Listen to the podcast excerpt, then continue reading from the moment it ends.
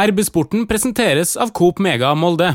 Det var mange som begynte å bli bleike rundt nebbet der, og jeg var selvfølgelig den verste. Jeg sto jo med huet inni den kalde ståldøra for å prøve å holde temperaturen litt nede. Så det var ubehagelig. Jeg, jeg, jeg skjønner at han ikke ville en gang til.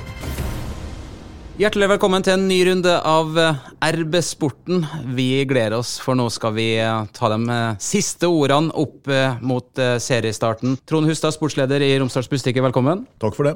Og så er det verdens mest kjente I. Du liker vel å bli kalt Kjetil Rekdal? Ja, det går bra, det.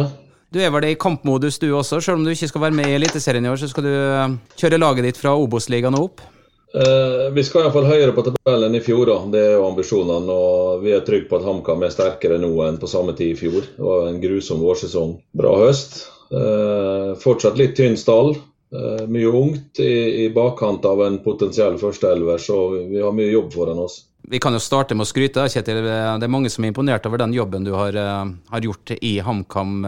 Har dette også vært en liten sånn restart for det i, i trenerkarrieren med å, med å ta HamKam? Ikke for min del, men eh, det kan hende andre så litt på det. Jeg tror nok de fleste lagene jeg har trent, føler at de er veldig godt fysisk rusta. Eh, bra struktur og bra løpskapasitet eh, og, stort tempo i, i, laget sitt, som er helt naturlig i dagens fotball, mener jeg. da. Det er ikke så vanskelig å gjøre et veldig dårlig fotballag bedre. Det er veldig vanskelig å gjøre et godt fotballag bedre, for da begynner du å snakke om veldig små marginer. Vi er vel sånn nå et, et, lite stykke på vei da, i gjenreisning av Hamar og HamKam. Vi kommer til å slå godt fra oss i år, det er jeg ganske sikker på. Og så er det jo lite som skiller i Obos-ligaen hver eneste helg. Det har vi jo sett i, i åra som har gått, at uh, forskjellen på seier og, og tap uavgjort er veldig liten. Og Da blir jo stabilitet og effektivitet og det å maksimere prestasjonene dine i hver eneste serierunde som uh, blir utslagsgivende hvor mye om du da får 15 poeng mer, eller om du får 10 poeng mindre enn du burde tatt. Det var litt om uh, Obos-ligaen. Vi er jo interessert i det du uh, holder på med. Men uh, du rekker vel å få med deg litt eliteserie òg, tenker jeg? Ja, jeg følger godt med. Det er jo naturlig. Vi vil jo gjerne dit sjøl.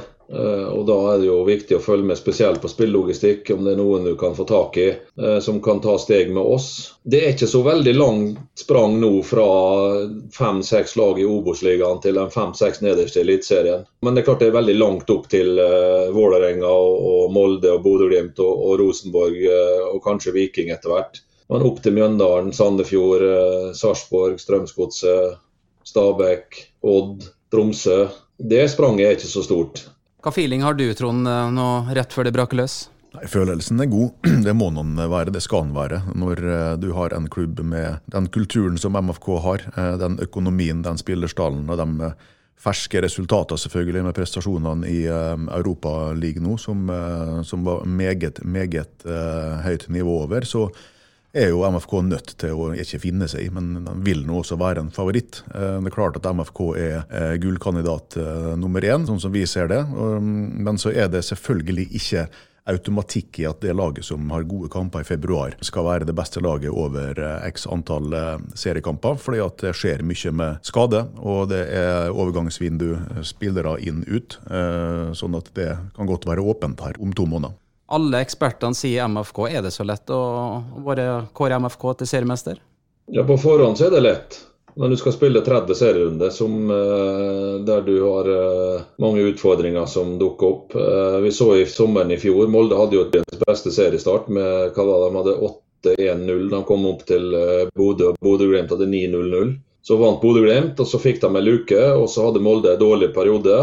Bodø-Glimt var jo nesten uslåelig hele sesongen. Det var 81 poeng de tok. Det tror vi aldri får oppleve igjen. Men som Trond sier, kulturen er der, styrken i stallen er der, økonomien er der. Så Molde har på en måte stabilisert seg da, og er en kandidat for å vinne gull, iallfall per nå, hver sesong de stiller opp i. Det vil være overraskende hvis ikke. Men du har noen som kan hindre dem det. da. Og Da er det Bodø-Glimt, Vålerenga og Rosenborg. Jeg klarer ikke å se noen potensiell gullkandidat til. Det, det kommer til å stå mellom dem fire. Jeg har begynt å tatt av igjen i, i Oslo. da. Du kjenner jo litt til uh, hvordan uh disse mekanismene ja, fungerer? Ja, det er jo et faresignal. Det er jo et faresignal. Når det blir store forventninger til Vålerenga, så er det ofte at det går på trynet. Men de hadde en utradisjonell avslutning på sesongen i fjor. da. Eh, når det begynte å nærme seg og dra seg til. De hadde en par kamper der de spilte uavgjort mot Sarpsborg hjemme, holdt på å tape. Klarte bare 1-1 mot Ålesund, som ikke tok poeng for noen andre omtrent. De hadde to-tre kamper på rappen, men så klarte de å slå Rosenborg. Det var ulikt uh, historien, da, på en måte. Det var liksom, Når Vålerenga har vært med, så har de altfor ofte tapt avgjørende kamper. Uh, jeg har jo vært med på det sjøl, men heldigvis har jeg også klart å dra det i land noen ganger òg. Jeg, jeg, tipper at det vil falle ned på, på skader, salg, kjøp. Det kan ikke være noen andre enn den, en, en av de fire som vinner gull. Og så er det litt usikkert med Rosenborg. Et helt nytt lag, nesten. Bodø-Glimt er litt svekka. Klarer de eh, å utvikle seg litt til eh, fra midten og bak, så vil Bodø-Glimt være ekle å ha med å gjøre òg. Og Bodø-Glimt er fortsatt et godt lag. Det så vi nå mot Molde 1-1, var det vel, og Molde utligna langt på overtid. Så de kan jo fort bli 15-20 poeng dårligere, dem, men likevel vinne gull. Alle forventer at Molde skal vinne, Trond. Molde og Erling Moe har flere ganger sagt at eh, det presset skal vi tåle. Men vi ser bare de siste dagene nå, så er det jo nye spekulasjoner om spillere inn, spillere ut. Rett før seriestart. Ja, eh, sånn er det. Dette lever hele tida. Og som vi var litt inne på i stad, det, er en del av disse faktorene der som kan avgjøre eller skille i toppen eh, over tid, når dette her begynner å røre på seg i dette vinduet her og i eh, sommervinduet. For det er klart, så Stallen til Molde, som alle snakker om, den er stor, den er brei, eller det er høyt nivå, det er mye kvalitet der. Ja, det er det, men du så i fjor hva som skjedde når de fikk veldig mange skader i, eh, på feil folk, egentlig, da, i uheldige posisjoner. Som, eh, som Kjetil var inne på i stad, da kan psykologien snu. Det var jo det som skjedde eh, når Molde, det beste laget, plutselig begynte å tape masse kamper, spesielt på bortebane. Sånn at de har hatt store skadeproblemer, Molde, nå i oppkjøringa. Det er ikke alle som rekker å komme tilbake til seriestart. Kanskje er noen av dem ute over tid. Jeg er veldig spent på Molde uten eller med Magnus Eikrem, som alle vet, eh, har stor betydning. Og dersom det blir salg nå på en Sinjan eller en Gregersen eller en uh, Aursnes, så kan det skje i skjæringspunkt på norske og internasjonale vinduer og sånn, at det blir vanskelig å erstatte. Så jeg er litt spent på den logistikken og hvordan dette Molde-laget ser ut om f.eks. to måneder. Skal vi ta en Magnus Grødem da, Kjetil. Han uh, kjenner jo du godt fra tida i Vålerenga. Ja, jeg var jo med på henten. Jeg gikk jo ut av trenerrolla inn i en sportssjefrolle eh, ganske fort etterpå, så jeg har vel kanskje ikke trent mer enn en måned. Og Da kom han jo som en talentfull spiller fra Bryne, eh, som var tiltenkt en eh, fremtid i Vålerenga, sånn sett. Det slo ikke helt til. Eh, men det er en bra spiller som har eh, sikkert fått litt erfaring og nå og skjønner litt mer hva som skal til. Og, og fått litt motgang og kanskje restarta og begynt på nytt igjen. Så Molde får en veldig spennende spiller i, i Magnus Grødem, som har eh, bra spilleforståelse, skårer bra med mål, bra teknisk, bra offensivhet. Så han passer jo egentlig inn. Men det store spørsmålet er hvor skal han spille? Er det ikke litt tier over han? Kan det være en mann som kan være med å dekke opp når Magnus ikke kan spille? Jo, det kan godt hende, men vi vet jo at, eh, at Magnus spiller når han er klar. Og Da kan det bli lite kamper på uh, Grødem hvis det er Magnus Wold Eikrem han skal konkurrere uten elver. Så De må jo ha noen flere posisjonsalternativ for Grødem. For Det er klart at det er jo sånn med unge spillere at du må spille skal du bli bedre. Dette er jo hodebryet til Erling og, og Erling Moe og, resten av trenerapparatet Molde og, balansere gjennom der at du klarer å få utvikling på spillerne dine samtidig som du klarer å opprettholde de resultatene du forventer at du skal levere. Sheriff Sinjan, jeg vet ikke om han knapt har rukket å skaffe seg leilighet i, i Molde Trondhustad før han eh, fikk ut igjen? Nå er jo ikke den uh, dealen der opp og avgjort uh, enda. Så vidt jeg har registrert, så er det snakk om et uh, bud. Men det er vel ikke i nærheten av det som, som Molde vil ha eller kreve for et sånt uh, prosjekt med, med sånn potensial, tror jeg. Så det blir nok en forhandlingssak, da. Jeg tror at eh, hvis Molde skal selge én av sine tre gode midtstoppere nå rett før eh, seriestart, så blir det til en relativt høy pris. Men Kjetil, dette er jo litt vanskelig for MFK. Gregersen er jo også på såkalt utgående kontrakt. Det kan bli mye bytte her, da? Jo, men det, altså, I 2014 så ble Molde suveren seriemester. I 2019 så ble de seriemester igjen, og da hadde de tre spillere igjen av den troppen. Den eh, rokaden der vil skje jevnt og trutt. Og Der har jo Molde vært best. Når de har mista spillere, så har de vært flinke til å få tak i og bygge opp nye som har kommet inn. Ja, jeg hadde ikke vært like bekymra som, som, kanskje dere to er om, om Molde selger en spiller eller to. De kommer alltid til å få tak i noen nye som kommer opp på det nivået som forventes. Og Da passer det veldig bra å ha med det her, Kjetil, for uh, det dukka jo opp spillere som du har uh, vært borti da. Eh, Jesper Dalland ble også nevnt, som du kanskje kjenner fra tida i Start?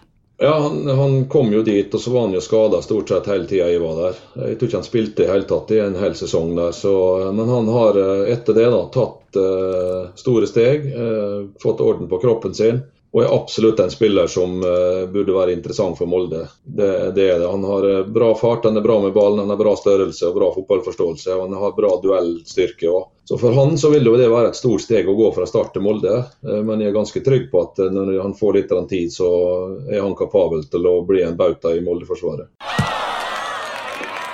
Hei sann! Her er jo Hilde fra Coop Mega Molde. Kom innom og la deg friste av den lengste ferskvaredisken i Romsdal. Velkommen til Coop Mega Molde. Hvor viktig er det for Molde å få en uh, god start mot uh, KBK? Det er jo ikke bare seriestart, men det er jo uh, det nærmeste laget vi har her. Nei, Det er veldig viktig, på, på mange forskjellige måter selvfølgelig. For det første så er det viktig å få en god start. Sånn er det nå uansett om du er Eh, gullkandidat eller dumpekandidat, som vinner den første kampen. Det har eh, stor betydning, selvfølgelig. Dette er, psykologi. Eh, det kan sette det inn i en rekke med seire som kan definere mye av sesongen videre. Men det er klart at for MFK mot Kristiansund, det er jo Altså, Molde har spilt mange kamper mot Kristiansund eh, siste åra uten å vinne. Og eh, Det er storebror, lillebror, og det er prestisje og ære og stolthet og alt dette her. sånn at det, det er veldig viktig for Molde-spillerne å, å, vinne mot Kristiansund. og de har uh, prøvd mange ganger uten å klare det, til at uh, den henger høyt. Kjetil, KBK eh, kommer inn til kampen mot Molde med 0-10 i målforskjell. Det er ganske mye? Det var ingenting å tape, da. ikke sant? Det er jo ofte i, under, altså disse kampene der, Selvfølgelig så har Kristiansund prestisje og ære å risikere å tape dem. og Det er jo ingen som vil tape seg kampene der. Men de har jo hatt en eventyrlig evne da, Kristiansund, til å ta mye poeng fra Molde. Det er klart det er en tøff serieåpning for Molde. og, og Hvis du lar det lure av Kristiansund, da, som har en eventyrlig evne til å få alle kampene til å bli ganske jevn, eh, iallfall i Eliteserien. At det går på noen smeller i treningskamper og sånne ting, det er en annen sak. Men det er liksom uhyre sjelden at Kristiansund blir spilt av banen, samme hvem de møter. Det er liksom ett mål i forskjell om de vinner eller taper eller uavgjort. Altså, de kampene lever helt inn hele veien. Så der er Kristiansund ekstremt smart. Så det er ingen enkel serieåpning eh, for, eh, for Molde der å få Kristiansund, som eh, kanskje nå da har kommet litt på jorda da, i de to treningskampene og kanskje innsett at det vi driver med nå, det, det kommer ikke til å funke. Så vi må tilbake litt til røttene med, med, stram organisering og en vanvittig innsats og tut og kjør fremover. Og så Torgill Gjertsen er en meget viktig brikke inn for Kristiansund i og med at de mista Pellegrino. Han kommer ikke til å skåre over 20 mål, men han, han, er bra på mye annet og ekkel å spille mot. Stor løpskraft. Er det all grunn til å tro at eh, her blir det et KBK-lag som ligger med alle mann på egen 16-meter? Nei, det, har de aldri gjort. Eh, at de kanskje har et utgangspunkt at de skal ligge i balanse og alt det, men de, har, de kommer frem i banen og muligheten til det. Altså, de har en eventyrlig evne til å nulle ut motstanderen så godt som, som overhodet mulig. så eh, du må ikke bli overraska om Kristiansund kommer til å presse høyt i periode, og så kanskje andre perioder så stenger de kampen litt, og så kommer de tilbake og begynner å presse høyt. så de de har nok et utgangspunkt i å prøve å rive i stykker rytmen til Molde og gå i angrep når muligheten byr seg.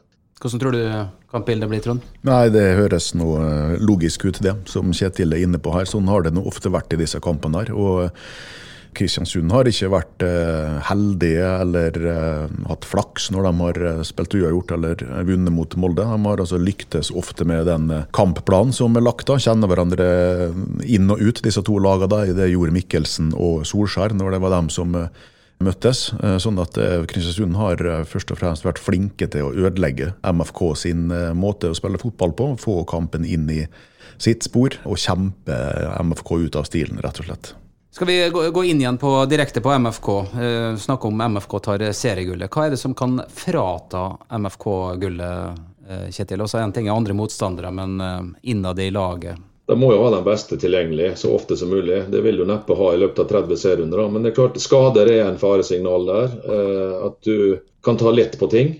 Eh, at du, du, tror at du vinner, og så blir du overrumpla og kommer inn i blindgate. Det var kanskje det som skjedde litt i fjor uh, utover våren, når du begynte å tape alle bortekampene du spilte. Det var fem på rad og sånt. Det kan jo skje, og så kan det være at andre lag her ligger litt under radaren. Du har en del kamper som, som kommer til å bli litt jevnere enn du setter pris på. Da er jo evnen til å dra disse seirene i land utrolig viktig. Hvem skal skåre målene for Molde i år? Leke James er borte. Beste spissen i Eliteserien sammen med Junker i fjor. Kommer OI tilbake, eh, opp på sitt eh, maksimale nivå, får du mye ut av, eh, Bjørn Bergman Sigurdarsson, eller blir han sånn litt inn og ut, mye, litt skada, spille litt, litt skada, spille litt? Hvordan vil det være med stoppekonstellasjonene dine? Hvordan står Linde i mål? Har du god nok dekning på midtbanen?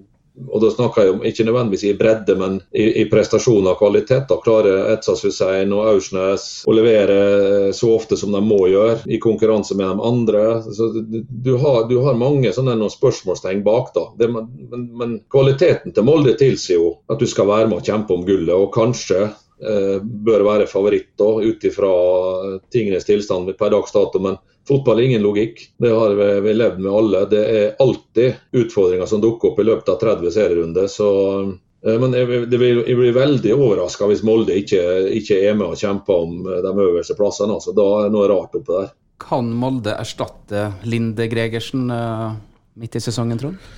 Disse skjæringspunktene mellom eh, norske vinduet og det internasjonale, der er det en del datoer som gjør at hvis du mister, eller får et så godt bud da, på en stjerne at du må selge den eh, av hensyn til alle parter, så kan det komme et vakuum der ikke du får tak i en uh, ny spiller som kan få lisens. Dette her er vel snakk om i juli måned, pluss minus. Og da kan du jo ikke erstatte en sånn spiller. Altså en, en, så god keeper som Andreas Linde det er veldig vanskelig å få til Molde. Det er fordi at MFK opp gjennom åra hele tida har ligget i forkant også på keeperplassen og utvikla eh, sine nye neste eh, målvakter, sånn at de har vært klare når det har vært eh, salg. Eh, sånn at de, de, vil være veldig spent hvis, eh, hvis Linde blir solgt i sommer. Altså, da er utgangspunktet planen at de kan hente Kranings tilbake på lån, men da tror jeg at eh, MFK kommer til å kjøpe en ny førstekeeper, hvis eh, det skjer. Men eh, det er kanskje enda mer interessant det som kan skje sentralt på midtbanen til Molde. fordi at eh, der er det altså en Aursnes som er brennheit. Eller brennheit. Han har vært aktuell for mange forskjellige lag i utlandet. Det kan komme et bud på Aursnes. Han har utgående kontrakt. Du har Hussein der, og så har du nå en Ellingsen som er ute med skade. Han spilte mye i fjor og en viktig brikke. Han eh, må Molde kanskje se vekk ifra i eh, en god del av starten av sesongen her. Og så har du en ung og lovende Emil Varavik Breivik som en backup der, som du heller ikke kan stole på at skal gå inn og være en sentral brikke på midtbane og, uh, fra begynnelsen her. Og Derfor så er det vel kanskje også litt sånn de har tenkt i forhold til Grødem som kommer inn nå, da, som kan brukes i litt forskjellige roller. Uh, at han kanskje også er tiltenkt som, som en, å være en midtbanespiller på litt sikt.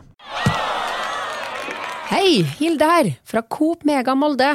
Kom innom og se vårt store brede utvalg av mat fra lokale produsenter.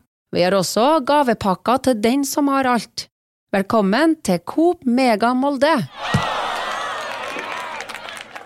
Erling har jo de siste årene vært veldig tro mot eh, det samme spillesystemet, Kjetil, men nå i treningskampene så har han begynt å endre litt. Eh, spille 4-4-2 og vært innom 4-3-3. Tror du det er lurt av Molde?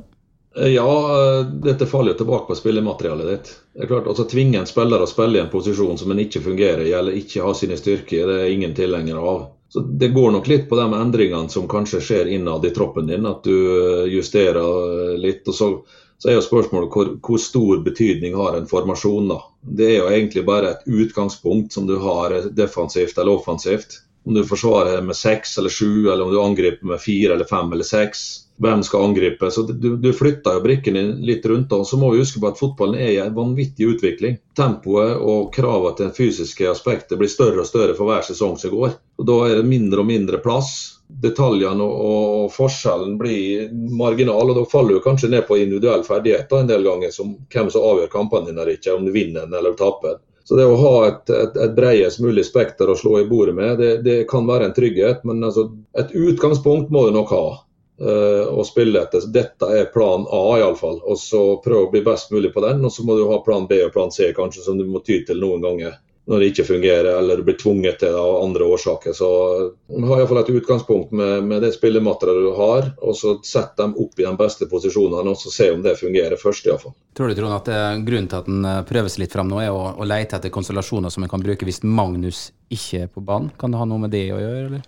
Eh, det kan nok hende. Samtidig så har de brukt en diamant der med Magnus Eikrem også i den rollen. da. Så Det virker noe mer som at de eh, vil unngå å gå seg fast i et eh, system, bli forutsigbar eller kjedelig. å Prøve å ha noen andre måter å uh, opptre på uh, som kan brukes i en spesiell kamp. Eller var det, Ut fra motstander, uh, skal du snu bildet, kampbildet osv. Hvem er det som kommer til å prege MFK-laget mest i år? Hvem kommer til å bli den spilleren som blir mest omtalt, Kjetil? Ja, det, det, er jo nesten umulig å gå utenom Magnus Wolf Eikrem. Det han har drevet med med ball, da Eh, han har jo svakheter uten ball, for så vidt, men han, han er såpass eh, på positiv side med ballen at du, du, får så mye mer at du tåler at han ikke nødvendigvis løper så defensivt. Og Mye av spillet er bygd opp eh, rundt det, også, og han blir ekstremt viktig. Og så har du Linde, som må redde de avgjørende ballene den gangen du trenger det, hvis de går inn. For det blir ikke overkjørsel fra Molde og 3-4-0 i hver serierunde. Det kommer til å bli noen tette kamper og som du må ha noe å falle tilbake på. Og så har vel stort sett Etsas og, og um, Aursson har spilt fast i de to sittende, da, mest. Får du OI tilbake i toppform, så er jo han 15-20 målskårer eh, på et topplag iallfall. Eirik Hestad, hvor stabil klarer han å være? Fantastisk på sitt beste. Kanskje sikkert eh, litt frustrerende når det ikke går eh, som det skal. Hvem blir Molde sine viktigste spillere, tenker du Trond? Nei, altså, det er klart, Du kommer ikke utenom Magnus eh, Eikrem. da. Han har jo vært den beste fotballspilleren i Norge uh, all over eh, sånn siden 2018 på sommeren, når han kom tilbake til Molde. Og At han er frisk og at han er tilgjengelig i de aller aller fleste kampene, det så vi i fjor. Hvor mye det betyr for MFK. Alt det offensive er drilla og planlagt rundt at han skal ha regien på alle medspillerne sine. Og Molde er ikke veldig gode til å ha alternativ B, hvis de må legge en, en annen plan der. Så det, Magnus er absolutt uh, nummer én. Og så er det den sentrallinja, hvis du kan kalle det for det, da, som er Linde. Kanskje den nest viktigste spilleren de siste sesongene. Gregersen i fjor var fantastisk. Du har en Aursnes som springer og springer og er viktig eh, på midtbanen, og som styrer på en måte balansen der. Eikrem, og så hadde de uh, Leke James som var den beste spissen i Eliteserien, eh, syns jeg. Og der er også et spenningsmoment, som Kjetil er inne på. Har ikke en nummer én-spiss nå, for øyeblikket, av forskjellige grunner. Ikke en sånn der helt sikker goalgetter som kommer til å skåre 15-20 eh, mål. Sånn at eh, la oss nå håpe da, at kanskje Fofana kan bli den, den nye mannen på, helt framme på, på den sentralrekka. Ja, Vi brukte faktisk over en halvtime før vi nevnte Fofana. Det ble den første, Trond Kjetil, eh, det er store forventninger til gutten som, eller mannen som bare er 18 år? Ja, det, og det syns jeg er berettiget. Det han viste i, i, eh, i europacupkampene her, det var spennende. Og så er jo spørsmålet er han kapabel til å gjøre det til 90 minutter. Det, han kom jo fra et, eh, en annen kultur og skal tilpasse seg kanskje treningsintensitet, disiplin, bevegelsesmønster i samhandling og relasjoner til andre spillere. Så du, jeg vil tro at du trenger litt tid på akkurat det der. Men at du har en, en spiller som kan komme inn og, og, velte en kamp da, helt rundt, eh, det har du absolutt. Det har han jo vist allerede. med Eksplosivitet og stor fart og osv. Hvis du får et lag som ligger og trykker på det, at du ser at du leder med 1-0 og en tøff kamp der du blir pressa litt bakpå hiver inn på han siste halvtimen, sånn, du gir jo en ekstra dimensjon. så der har Molde noe veldig veldig spennende på gang. Men jeg, jeg tror det er lurt å gi en litt tid før du begynner å forvente at den skal spille 90 minutter. Det var akkurat det som skjedde mot Bodø-Glimt. Det var som å trykke på en knapp når uh, Fofana kom inn på banen. Han, uh, som Kjetil sier, han snudde rundt på alt. Ja da, det skjer masse eh, rundt denne gutten der eh, hele tida, og nesten sånn umiddelbart eh, når han blir kasta innpå. Eh, det har jeg sett eksempel på flere ganger, og, dette her, og det har jeg sett på trening òg mange ganger de siste månedene at det, det, foregår ting eh, når han får ballen. Eh, både som der han kan gjøre enkeltprestasjoner sjøl, eh, eller han kan åpne opp rom og skape furore i og rundt 16-meteren. Så at han kommer til å bli en sånn liten komet i årets eliteserie, det er jeg ganske så sikker på. Men jeg er også enig i at han har akkurat fylt 18 år. I tillegg til de tingene som var nevnt her, så er det både språk, og det er kultur, og det er kosthold osv. osv. som han skal på en måte fases inn da, i, i, dette laget her, og inn i norsk fotball. Og da skal ikke han stå 90 minutter, og da kommer han ikke til å, å være god heller. Han, han, må passe på at han ikke får altfor stort ansvar på skuldrene sine, sånn at han kan møte veggen på en måte. Han kan starte noen kamper, selvfølgelig, når det er vurdert ut fra motstander osv., men jeg tror at Ohi eller Bjørn eh, Bergman Sigurdarsson ofte kommer til å starte, og eh, at Fofana kan komme inn i en halv time for å avgjøre en kamp eller snu et kampbilde. Så skal vi huske på at alle supporterne vil selvfølgelig at han skal starte og spille hele tida nå. Det er en naturlig konsekvens, for det er spennende og det er underholdende. Artig å se på, men han vil heller ikke være like god hvis han skal starte alle kamper og få dårlige opplevelser mot vanskelige motstandere. Eh, vi har jo snakka om de fire i toppen, eh, Kjetil. Eh, hvordan tror du det blir ute på tabellen? Altså, du har jo et, et vikinglag som kan overraske. Nå fikk de tilbake Tripic som kan bli ekle å ha med å gjøre, spesielt i Stavanger. Eh, med, hvis du får publikum inn. og Viking har gjort en formidabel jobb etter nedrykket. Har snudd en død fotballby til å, å, få litt interesse, litt profiler. Har uh, fått inn en kultur som uh, de har snudd litt rundt. da. Det er et pågående, mer aggressivt, uh, underholdende vikinglag nå enn det var for, ja, før de gikk ned. da, For da var det tafatt dødt, egentlig. Så de er en liten outsider her og kan, ja, med maks flyt, da, så kan, og en av seg fire som jeg nevnte, roter det litt til, så kan Viking kanskje blandes inn litt, men jeg tror det er for tidlig. Og så har du Odd og Kristiansund som havner tippa sånn cirka midt på tabellen. Haugesund er vel en sånn klubb som havner rundt midten. Og så begynner det å Du sier at alt kan skje hvem er som havner helt nedi der. Det, det, er mange kandidater til det. Eh, vi trodde jo, eller Alle trodde jo at Sandefjord skulle gjøre det i fjor. Det klarte de å styre unna. Jeg, jeg, jeg, tviler på at de klarer det en gang til, så jeg tror de kommer til å være nedi der nå. Brann skal jo ikke være nede der, men det kan jo skje, for de har ikke sett bra ut. Strømsgodset er full krise. Hva skjer der når sesongen starter? Stabæk møtte vi med HamKam og de syns de så veldig tynne ut. Lillestrøm nyopprykka. Eh, litt større forventninger til den enn med andre, kanskje, men eh, de kommer til å være nede der. Sarpsborg, eh, mye utskiftninger hvert eneste år. I fjor så var Sarpsborg dørgende kjedelig å se på, iallfall. Kan Tromsø, kanskje en liten overraskelse. Har gjort noen gode treningskamper nå, men er tradisjonelt sett veldig svake på bortebane. Så spørs det hvis han Espejord forsvinner eller er skada, så er de kjempesvekka. De er veldig avhengig av han. Så fra ni og ned så kan alle altså alle der kan bli nummer ni, og alle kan havne på nedrykk. Det er så lite som skiller. Jeg tror jo at Mjøndalen det sa jeg vel egentlig foran sesongen i fjor, at de bør kunne styre klar av et nedrykk. Og så hadde de en grusom periode på sommeren der de var to seire på 16 kamper, 14 tap. At de berga seg ut ifra det, skal nesten ikke gå an. Men de hadde en bra start og en brukbar avslutning. så de burde jo tilegne seg litt erfaring nå til å kanskje klare å klore seg opp en plass eller to, så de kommer på trygg grunn iallfall. Strømsgodset var bare spillere og ingen ledere. Det var bare indianere og ingen høvdinger? Ja, det, ja det, det, kan jo slå begge veier, selvfølgelig. Det hjalp nok veldig på å få inn Valsvik. Da har du iallfall en voksen forsvarsspiller som kan gi deg litt pondus med å forsvare mål. Han gjør iallfall Strømsgodset mer solid. Uh, ja, jeg er spent på det Strømsgodset-laget, hvordan det blir seende ut når sesongen starter. Har du fasiten du, Trond? Eh, jeg har ikke fasiten. Jeg syns dette er bestandig veldig vanskelig, da, uh, hvis jeg skal være helt ærlig. Og det var ikke så mange år siden at um, det var en apekatt som henta noen bananer og sånn, og som uh, laga ei liste som slo knockout på alle ekspertene i norsk fotball på tabelltipset. Jeg tror at eh, Molde vinner. Jeg tipper at Molde vinner. Og jeg tipper de fire øverste, som, eh, som, de fleste gjør. Jeg har ikke så mange flere spennende tanker enn det. Men eh, vi har ikke en apekatt, men vi har en sportsjournalist som heter Martin Brøste. Og han driver og stabler opp bananene sine inn på kontoret her nå, og skal presentere sitt, sin fasit på RB-nett i helga. Vi tror ikke KBK, da, som har så dårlig statistikk i treningskampene, kan rykke ned, Kjetil?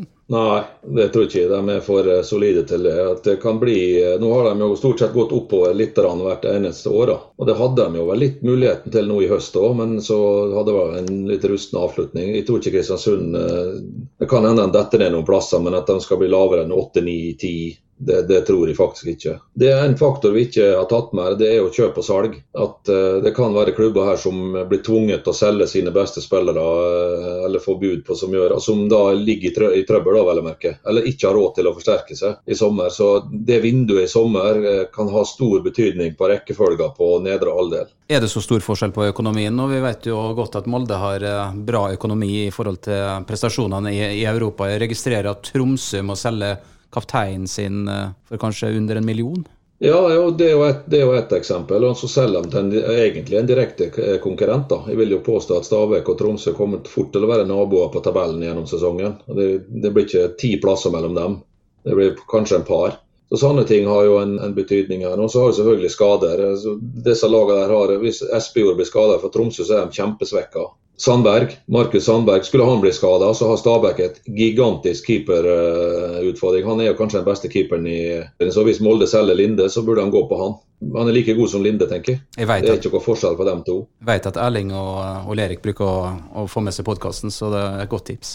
Ja, ja der, der, jeg, jeg tror på at Jon Vik vet det. Han prater jo litt med Jon Vik innimellom, så vi er vel ganske oppdatert begge to på det. Så ja, så har du jo Lillestrøm er jo veldig avhengig av Lene Olsen, da. Eh, skårer han mål, eh, f.eks. Blir det tørt eller skada eller så blir det en utfordring eh, for dem. Mjøndalen tror jeg de er såpass jevnt besatt at om, de, om Gauseth er ute noen uker, så kan de klare å fange opp det, selv om han kom inn som et friskt pust i, i, fjor og styrer den sjappa på egen hånd. sånn sett. Sarpsborg, der er jo alle hjem. 20 spillere som kan spille og mye utskiftninger hit og dit. Og så er Brann, da. Hva skjer i Brann?